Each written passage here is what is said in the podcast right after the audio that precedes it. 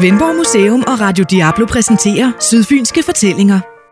Velkommen til Sydfynske Fortællinger, en øh, podcast-række lavet af Svendborg Museum og Radio Diablo, hvor vi åbner op for nye skæve sider af din lokale historie. I dag er emnet lokummer og sanitet, og jeg har Per O. Thomsen med mig i studiet. Og Per, øh, lokummer i middelalderen, Ja, de er spændende. de er spændende. men Det, det er de. Ja, det er de. Øh, og øh, i virkeligheden er det sådan, at øh, helt tilbage i øh, 1976, der blev Svendborg berømt. Ja. Fordi der blev gravet en af de første øh, latrinsønder øh, fra middelalderen. Den blev gravet ud hernede i, øh, i Møllergade. Ej, det, var, det er ikke den første i Danmarks historie, fordi vi kender dem godt, men det var en af de første, der blev undersøgt. Øh, man tømte den simpelthen og fik analyseret indholdet. Og ja. det er klart, at øh, med netop med øh, en lokumstønde, øh, i dag er der jo, jo, nogen ved jo godt, hvad lokumstønder er, øh, men øh, den stod jo dernede, og øh, det, der kommer ind, når folk spiser, det skal jo nødvendigvis ud. Det ved vi også godt. Det er jo ikke noget, der har ændret sig. Her der blev det bare, fik det bare lov at ligge, da den så blev fyldt for sidste gang, så efterlod man den bare. Den har altså stået dernede i en baggård en gang øh, midten af 1300-tallet. Så det er altså 600-700 år gammel yes. Afføring, I har, ja. I har undersøgt. Ja. ja. Og som der står i udgravningsberetningen, jeg var ikke selv med til at grave den, øh, men øh, der står, at øh, den blev gravet på et tidspunkt, hvor det var rigtig, rigtig varmt. Faktisk næsten hedebølge, og da man fik blotlagt den, så var man ikke i tvivl om, hvad tøndens indhold var. Det stank. Så selv altså med 600-700 års afstand, så lugter det virkelig af Det gør det. Ja. Man er ikke i tvivl. fedt. Og hvad indeholdt? Jamen se, den indeholdt jo mange ting. Altså, det man kunne under... Altså, man tog jo ikke og tømte det hele. Man tog, øh, man tog nogle liter ud af det, og øh, som der også øh, beskrives, øh, da det kommer ind og skal analyseres, så er man nødt til at øh, neutralisere det med, øh, med sprit, for også at kunne være i laboratoriet samtidig med, at man skulle undersøge det. Men øh, det er så, som det er. Men øh, det viste jo, hvad, øh, i hvert fald, hvad man har fået at spise på et tidspunkt der i øh, midten af 1300-tallet.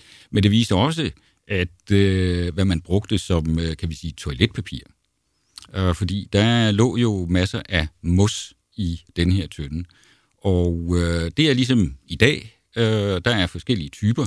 Der er noget, der er tykkere, og der er noget, der er tyndere. Om det så har spillet en rolle, altså der har to lags, tre lags, eller hvad pokker, ikke? Altså, men man har været ude, og så har man været meget selektiv i forhold til, øh, hvad man brugte til at tørre sig med. Det lå også i tønden. Man har måske også haft øh, personlige præferencer. Det kan være, det er jo ikke til at sige, det kunne man måske tro. Jeg synes også, at øh, udover mosset selvfølgelig toiletpapiret, så kunne man jo også se på, hvad folk de spiste, og deres generelle sundhedstilstand Ja. osv. Ja. Og der må vi sige, at øh, altså, hvis vi går ud fra den ene tønde, som vi nu øh, fik øh, analyseret, jamen, så kan vi se, øh, der, der er nogle ting, hvor vi kan se, hvad de har spist. De har spist masser af frugt. De har også spist øh, relativt meget fisk. Det ved vi nu godt i forvejen, fordi øh, andre steder i byen, hvor vi har fået undersøgt lagene, der kan vi se, at øh, Svendborg med den beliggenhed, øh, den har rent kystnært, så har man rent faktisk øh, fået rigtig meget fisk. Øh, men, øh, men ud over det, jamen så kan vi se, at de jo også en gang imellem har de spist masser af grød. De har, altså der er masser af, af korn i det her byg øh, og, øh, og ru. Men øh, og byg, ja, det kan godt være, at det er blevet til byggrød, men øh, min fantasi siger mig jo, at øh, når der også er porse i øh, og humle, jamen så er byggen blevet brugt til øl.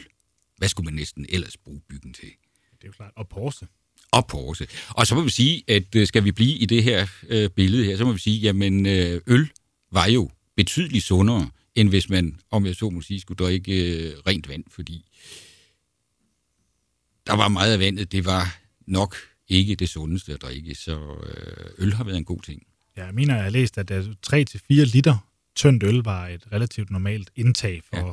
for voksne i den her ja. Ja. periode. Simpelthen ja. fordi man var nødt til at undgå vandet.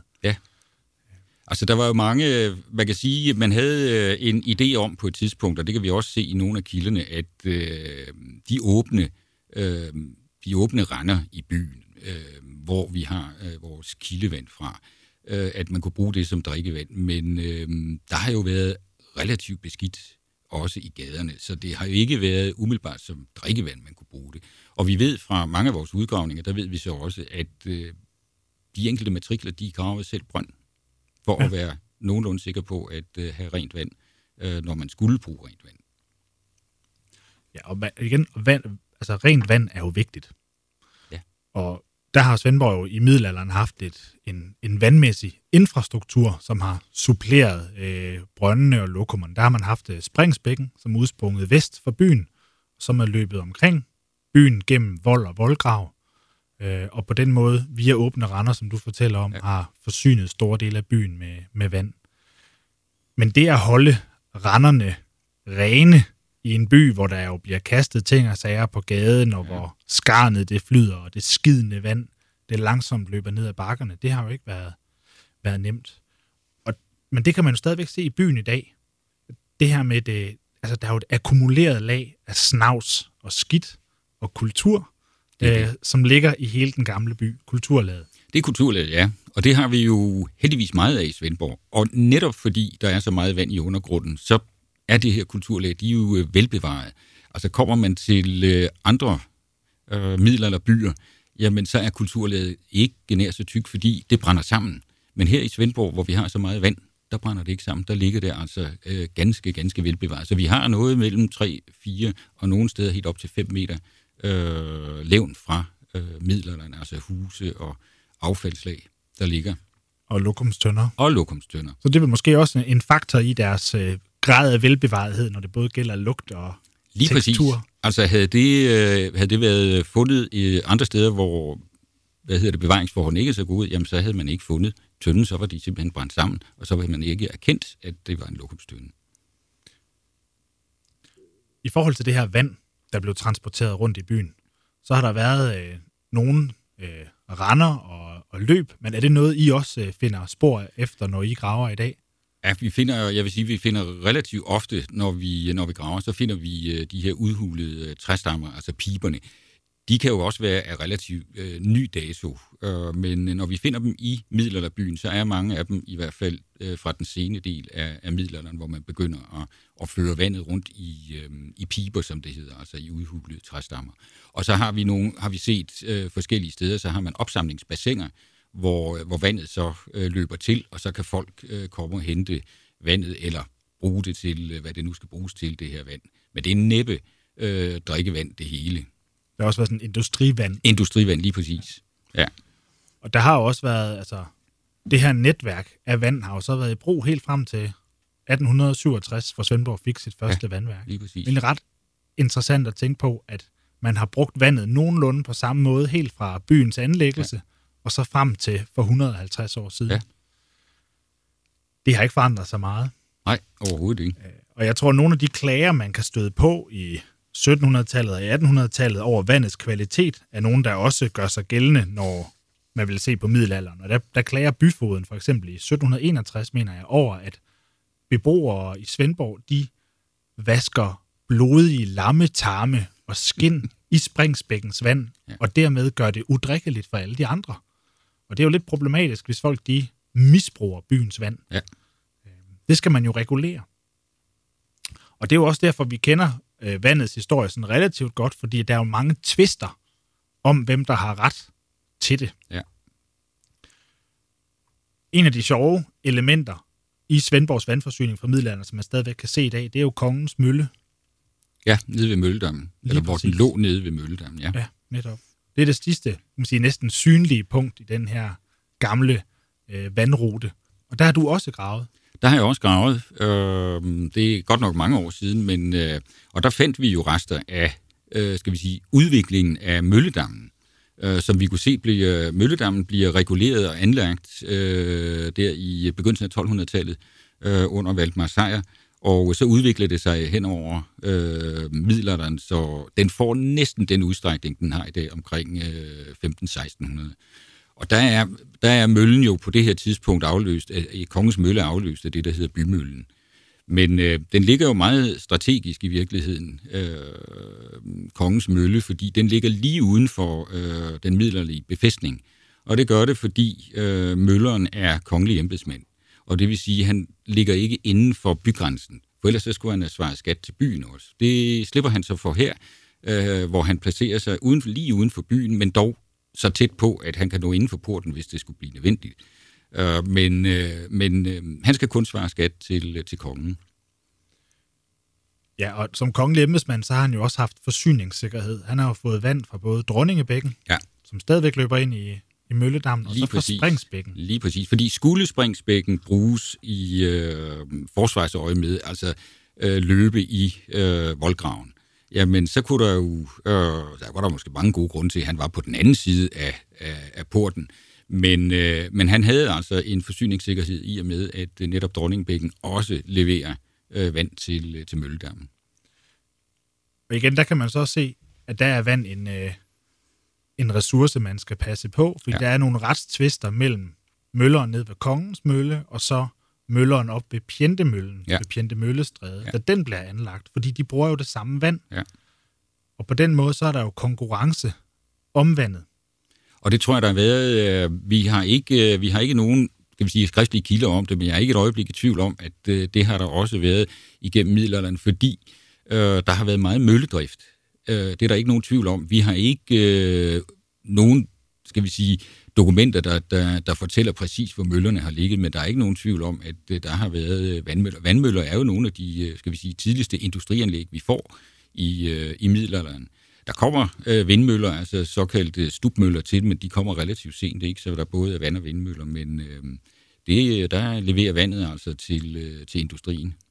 Ja, og der, igen, grunden til, at, at vandmøller er så øh, altså revolutionerende, er jo, et, et, et, et, indtil da, så har man haft muskelkraft, enten menneskelig eller fra ja. heste eller lignende, men lige Ja. pludselig, så kan du altså ved hjælp af vandets kraft gøre nogle helt andre ting. Ja. Ja. Og igen derfor, der er Svendborg altså godt placeret, både, både i forhold til bevaring af genstande i undergrunden, Ja. ja. men altså vandet gør jo også, at byen er forsvaret og har kraft. Præcis. fortidens mennesker, som er gået rundt i, i blandt de her lokumstønder i det her vandnetværk. Hvordan, øh, hvordan tror du, de har haft det med for eksempel lugten af, af afføring i gaderne, som jo har været rimelig ram? Der er ikke nogen tvivl om, ja, lige præcis. Der er ikke nogen tvivl om, at kom man til øh, en, øh, en middelalderby øh, i dag, øh, så ville vi alle rynke meget på næsen, fordi der har været en eventyrlig stank af både det ene og det andet. Men øh, det tror jeg simpelthen ikke, det har man ikke lagt mærke til. Altså det, det var jo livet, det var sådan, det var. Øh, man kendte ikke andet, øh, og øh, derfor tror jeg, man har, levet, øh, man har levet fint med det. Man var da klar over, at øh, altså, skidt og møg skulle man af med. Øh, der er jo også beskrevet i, øh, i bylovene, altså hvordan man skal øh, forholde sig til, øh, om ikke renovation, men i hvert fald øh, måden, man øh, skiller sig af med, med skidtet på. Fordi man kan jo ikke bare lade det hobe op, og man, gjorde man det, jamen, så skulle det ikke ligge for tæt på naboen, og det gav jo også stridigheder. Så det vidste man jo godt, at man skulle af med, øh, med meget af det her skidt, men, øh, men lugten, tror jeg, den, øh, den levede man med. I forhold til alt det her skidt, altså noget af det er vel blevet vippet ud over altså strandskrænten. Ja. Der, hvor Svendborgs nye trappe er blevet bygget, ja. der er jo blevet fundet rigtig meget affald, Ja. så vidt jeg har forstået. Det er der. Altså det er klart, at øh, jamen, skulle man af med skidtet, så øh, blev det altså læsset ud, hvor man kunne komme afsted med det. Det samme ned af, af skrænten ned mod, øh, mod Kongens Mølle, altså ud over øh, vold og voldgrav, der blev også helt øh, rigtig meget skidt ud. Altså da vi gravede dernede i sin tid, der var der simpelthen øh, metervis af, af affald, som var kommet op fra byen. Så det blev simpelthen helt ud. Man kan lære mennesker af nogle svin. Og Simpelthen. sådan set altid Ja, været det. det må vi sige. det må vi sige. Ja. Men jeg synes, det er enormt spændende det her med, med saniteten og den menneskelige udvikling, når det gælder det her med, hvor sensitive vi er. Ja. Fordi det er jo også en måde at vise hinanden på, jamen, hvis jeg ikke rynker på næsen over det her, hvad gør det så mig til? Altså, der, der er nemlig en, en udvikling i, i 1800-tallet, hvor der er visse mennesker fra borgerskabet, som begynder at rynke rigtig meget på næsen af lugten i byen, Ja. og af mørket om natten, og den dårlige vandforsyning. Og de vil have, at der sker noget. De vil have, at man skal forlade den klamme by, og så gå ind i den moderne by, hvor vandet er rent, hvor der er lys om natten, og hvor lorten er gemt væk i kloakkerne. Ja. Og det er jo en, en, en proces, hvor man gemmer alt det trælse. Det Ja. gemmer man væk. Og der har man jo haft en helt anden tilgang til det i, i store dele af middelalderen, hvor det trælse, det levede imellem mennesker, og Ja. det var det lugtede, og folk Ja. de havde også et helt andet forhold til døden, og Ja. altså, der har været en helt anden umiddelbar nærhed til de her ting. Ja, ting var mere, altså ting var, var en, en, en, natur, altså det var en naturlig ting. Mm. Altså affald, jamen øh, det var der jo. Ja. Man levede med det. Altså, levealderen var så også derefter. Det må man sige. Altså der var mange ting, der, der, der ikke var, øh, skal vi sige, helt i top øh, i, øh, op igennem middelalderen. Og det er jo klart, at øh, meget af det her var også, øh, altså både sanitet, men også det, det, den måde, man levede på, at øh, det satte sig jo også nogle spor, øh, også i, på levealderen. Ja, og igen for, for også at pointere, hvor vigtigt det faktisk er, kan vi jo se en, øh, en, øh, en koleraepidemi i, øh, i Svendborg, inden man får styr på, på vandets kvalitet. Det er i 1853, hvor adskillige svendborgenser, det er jo en landsdækkende epidemi, men hvor adskillige svendborgenser må lave livet. Og der kan man simpelthen se, at hvor der er dårlig vandkvalitet, Ja. så dør folk Ja. meget mere, end der, hvor de har det gode vand. Og der kan man se et, et, et, et det fattige sovn, øh, hvor frue, der er blandt andet øh, på Ørkildsgade, der tror jeg, det er blevet talt op, at 10 procent af beboerne døde der i 1853. Ja. Hvorimod nogle af de andre sovne slet ikke registrerede altså dødsfald Nej. øh, forårsaget af kolera. Så på den måde, så er der altså en, øh, en slagside til dem, der har øh, det dårlige vand. Så ja. Ja. det gode vand er vigtigt. Og det spændende, synes jeg jo også er, at man, man lægger jo ikke to og to sammen, som vi vil sige i dag. Man siger jo ikke, når man, øh, folk de dør af det dårlige vand. Vi må lige få det renset. Det tænker man jo ikke nødvendigvis. Nej. Den viden har man jo ikke. Man, ved, man kender ikke til bakterier, og man tænker, at det skyldes jo nok i virkeligheden lugtene mange Ja, steder. ja. Øh, det er den dårlige luft. Det er miasmerne. Det er det, der spreder sygdommen. Ikke? Øh, Så der har man igen haft nogle, en helt anden verdensforståelse, ja. Ja. når det kommer til vand, varme og sanitet. Ja, det er jo det. På kirkegårdene har man jo igen også haft øh, en udfordring. Der har, vi, der har I også gravet og Ja. fundet adskillige sjove ting, og det tror jeg også, at vi kan gribe fat i den her sammenhæng, når vi snakker om liv og død og, og sanitet. Der er fundet mange eksempler på, også i de skriftlige kilder, at folk blev begravet i lag, og hunde og grise gik lystigt rundt på Jeps. kirkegårdene og Ja. gravede farmor og mormor op. Ja. spiste lidt af dem. Hundene, der gøde, når der var gudstjeneste. Det er jo altså noget, man forsøger at, at regulere. Der kan se en, øh, en klage fra 1682, hvor der klages over den store uskikkelighed, som holdes på kirkegården, i det en del lader deres svin gå derind og rode gravene, end dog også i Guds hus kirken, hvor de også indgå og med deres urenlighed ilde til sviner. Ja. Men hvad er det, de har spist inde i kirken, Per? Ja, se, det ved jeg jo ikke, hvad, øh, hvad de sådan kunne, uh, kunne finde rundt derinde, men jeg er helt sikker på, at uh, altså, svin er jo nysgerrige, og det har jo sikkert været et muntert indslag, kunne man forestille sig, hvis man får sådan nogle svin ind i, uh, uh, ind i kirken.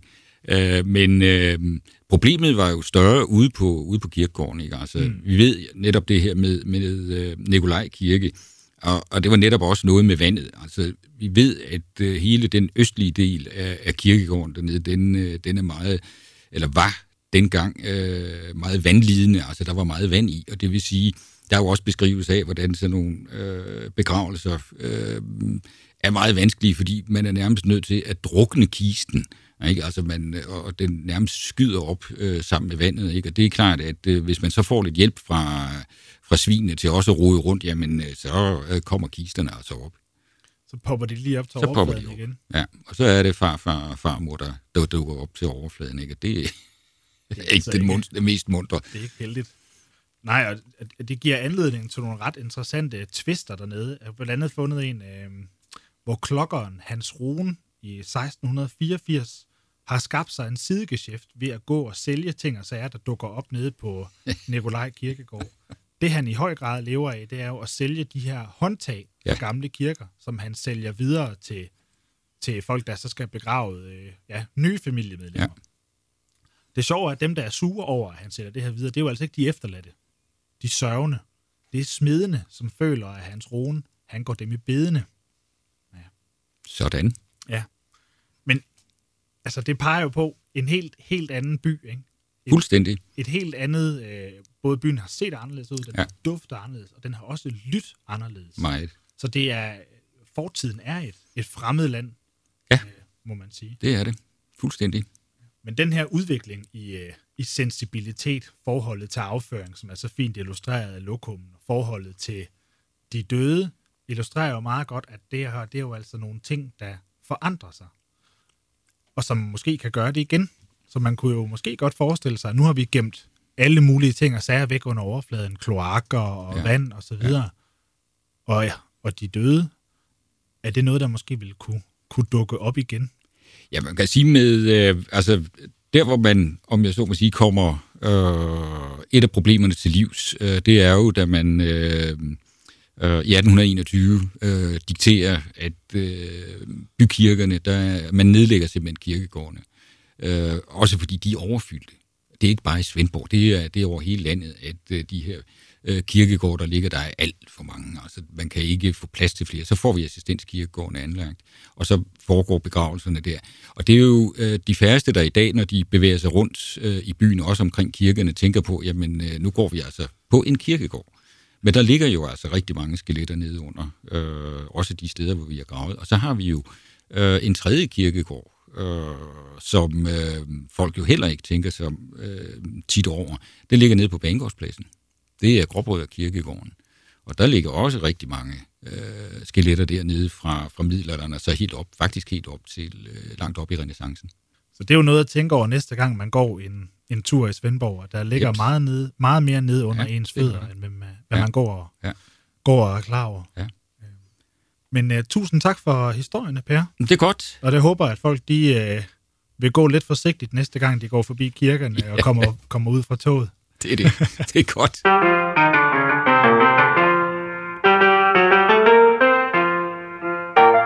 Svendborg Museum og Radio Diablo præsenterer Sydfynske Fortællinger.